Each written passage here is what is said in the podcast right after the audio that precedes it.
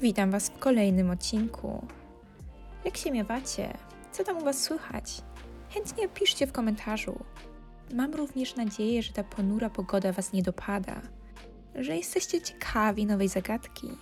Także może bez przedłużania, zaczynajmy. Dzisiaj opowiem Wam historię o Anu, dziewczynie, która co prawda urodziła się w 1972 roku w Indiach, lecz większość swojego życia spędziła w Australii. Pochodziła z bogatej rodziny, była jednaczką, a jej rodzice byli też znanymi i świetnymi lekarzami. Rozpieszczali ją jak tylko mogli. Dostawała zawsze każdą zabawkę, o jaką tylko prosiła. Miała przeróżne nianie, które były na każde jej zawołanie. Nigdy nie musiała martwić się o pieniądze i wiodła spokojne, beztroskie i bezstresowe życie, aż można by było tylko jej pozazdrościć. Było to tak jednak tylko do czasu, do czasu, aż poszła na studia. Jej rodzice, dowiadując się, że została przyjęta na uczelnię i to w dodatku na podwójny kierunek studiów, jakim było prawo i przedsiębiorczość, byli z niej bardzo dumni. Wiedzieli, że udało im się dobrze wychować, że zdobędzie wykształcenie i w przyszłości będzie robić karierę. Dla Anu przeprowadzka do nowego miejsca, do nowego miasta była bardzo trudna. Musiała opuścić swój ukochany dom, zacząć sobie samej gotować, prać czy sprzątać, zacząć żyć samodzielnie i to bez niczyjej pomocy. Początkowo dzwoniła ona do rodziców kilka razy dziennie. Opowiadała, co zjadła na obiad, gdzie była, czy nawet, że jest samotna i że chce po prostu porozmawiać. W każdy weekend wracała też do nich. Z jednej strony to chyba każdy z nas rozumie Anu. Jest jeszcze młoda, była pierwszy raz na dłuższy czas z dala od rodziców, domu, czy swoich ulubionych miejsc, czy też znajomych. I pewnie potrzebuje ona tylko czasu, tylko tych kilku miesięcy, aby zadomowić się w nowym miejscu. Jednak Anu postępuje inaczej. Przerywa studia, nie jest w stanie znieść nowego miejsca i tego całego stresu i samotności. Wraca do domu. Mówi rodzicom, że potrzebuje jeszcze trochę więcej czasu, że oczywiście pójdzie na studia, ale w przyszłym roku. I rodzice nie są z tego powodu zadowoleni. Zgadzają się i starają się też zrozumieć córkę. Dla Anu jest to wielką porażką. Wie, że zawiodła sama siebie. Wie, że jest gorsza. I wszyscy znajomi przecież studiują, bawią się, mają własne życie i idą do przodu. Jej stan psychiczny z dnia na dzień się tylko pogarsza. Obwinia ona samą siebie i zaczyna przenosić swoją nienawiść na swój wygląd zewnętrzny. Zaczyna go nienawidzić, zaczyna się sobie nie podobać. I tak właśnie przemija ten rok. A po nim zaczyna ona normalnie studia. Jednak już nie idzie na nie z chęcią, tylko z przymusem. Ale na szczęście na uczelni poznaje parę osób, w tym też Simona, w którym zakochuje się od razu. Był on dla niej wybawieniem. Przestała się już udręczać, wzięła się w garść i też udało jej się skończyć pierwszy etap studiów. Niestety jednak ich związek nie przetrwał. Tuż po tym, jak zaczęła magisterkę, rozstała się z Simonem. I jej myśli z przeszłości znowu powróciły. Zaczęła ona na nowo się udręczać, patrzeć krytycznie na swoje ciało i nienawidzić go. Do tego doszły też używki. Zaczęła brać narkotyki, co spowodowało, że straciła też dużo masy ciała. Stała się bardzo nerwowa, chaotyczna i jej zachowanie było bardzo niepokojące. Opuściła się też w nauce i nie chciała nikogo słuchać. Jej rodzice mogli tylko bezczynnie się temu przyglądać. I tak właśnie widzieli, jak ich córka starała się coraz chudsza, coraz to bardziej nieszczęśliwa. Jej znajomi ze studiów także zauważyli zmiany. Zaczęła też ona manipulować nimi. Często miała irracjonalne opowieści i myśli, które tylko ich dziwiły i sprawiały, że ciężko im było z Aną normalnie rozmawiać. Tak na przykład opowiadała często, że wie, jak może prawnie uniknąć kary za morderstwo.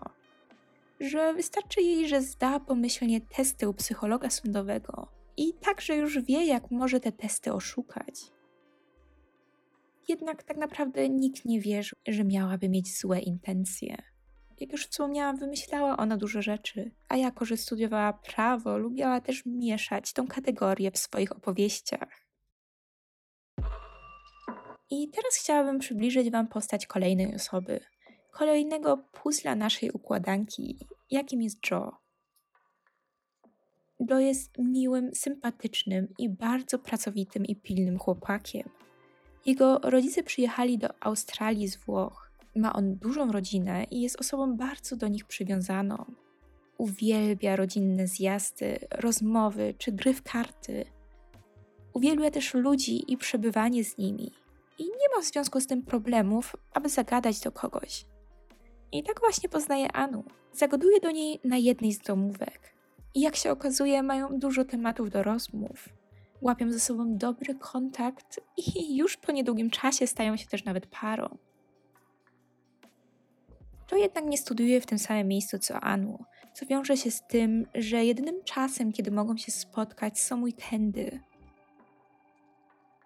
i jak już wiemy, Joe bardzo ceni sobie czas spędzony z najbliższymi. I to właśnie on jest w roli, można tak powiedzieć, ofiary w tym związku. Poświęca dla Anu prawie wszystko. W każdy weekend, w piątek, po swoich zajęciach, wsiada do auta i przejeżdża 5 godzin drogi, aby spotkać się z ukochaną. A z powrotem wyjeżdża o 4 rano w poniedziałek, tak aby zdążyć na dziewiątą do pracy. Para też telefonuje ze sobą cały czas. I to głównie wtedy, kiedy Anu ma czas. A więc rozmowy te są dostosowane do jej grafiku dnia. Joe jest w stanie poświęcić naprawdę wszystko dla swojej partnerki. Jest w niej tak bardzo zakochany, że nic innego nie ma dla niego większego znaczenia. Anu wie o tym i bardzo lubi go wykorzystywać i manipulować. I to do tego stopnia, że nawet sami rodzice Joe przestają poznawać swojego syna. Już nie jestem wesołym, czerpiącym z życia jak najwięcej chłopakiem. Jest wiecznie zamartwiony, stojący w cieniu swojej partnerki i także wiecznie zmęczony. W takim stanie chłopak nie daje rady dokończyć studiów. Ma dużo nieobecności i para też postanawia wkrótce zamieszkać razem. Dla Anu jedynym wyjściem jest zabranie go do siebie, oddzielenie od rodziny, tak aby był tylko dla niej. I tak też robią. A gdy chłopak jest już z nią na miejscu, dziewczyna popada w coraz to gorszy stan psychiczny. Uważa się za brzydką, wiecznie grubą i pomimo, że ma dużą niedowagę, nadal stosuje coraz co surowsze diety. Jest słaba i chodząc do lekarzy opowiada im też przeróżne, wymyślone historie i opowieści. I tak na przykład pewnego razu opowiada, że czuje, że pod skórą mieszkają u niej insekty, Wszyscy lekarze jednak uważają, że problem leży tylko w jej głowie. Proponują jej terapię lub rozmowę ze specjalistą. Jednak dziewczyna odmawia. Wie, że to, co mówi, jest prawdą i że nie jest wcale chora. Pewnego razu nawet stwierdziła ona, że choruje na AIDS. Oczywiście nie ma jakichkolwiek podstaw, aby w to wierzyć. Wyniki badań również potwierdzają, że jest zdrowa. Ano jest jednak przekonana, że jest chora i opowiada wszystko swojej koleżance. Uważa, że to jest nie fair, że Joe jest zdrowy. Mówi też, że ma plan, aby także on zachorował. I to była tylko jedna choroba z wielu. Jedna z wielu, którą wymyśliła sobie Anu, aby podświadomie utaić jej stan psychiczny. Pewne jest jednak, że za każdym razem winny był Joe, za każdą chorobę, za każde jej wymyślone negatywne zjawiska czy jakieś myśli. I obwiniany był nawet za to, że jest tak chuda. Chłopak miał już wkrótce wszystkiego dość. Postanowił się wyprowadzić, zakończyć ten toksyczny związek raz na zawsze. Wiedział jednak, że nie będzie to takie proste. Dziewczyna przecież jest sprytna i cokolwiek by jej nie powiedział, i tak wymyśli swoją wersję. Postanowił więc spakować się i pojechać z powrotem do rodziny. Datę swojego wyjazdu zakreślił też w kalendarzu. Oczywiście nie podpisał o co chodzi, jednak zakreślił ten dzień, a Anu domyśliła się. Wiedziała, że może on coś takiego planować i nie umiała uporać się z myślą, że zostałaby sama. Na kim miałaby się wyżywać? Kogo miałaby wtedy obwiniać? I w końcu kto by się też nią opiekował? Postanowiła więc, że muszą wspólnie umrzeć. Uważała, że to tylko to zatrzyma go przy niej.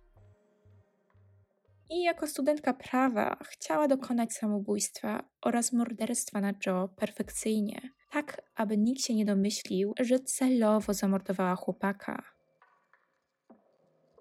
Opowiedziała ona o swoim planie nawet koleżance z roku, i ta wspólnie z nią chodziła do biblioteki, aby uzyskać jak najwięcej informacji o takich zabójstwach czy morderstwach.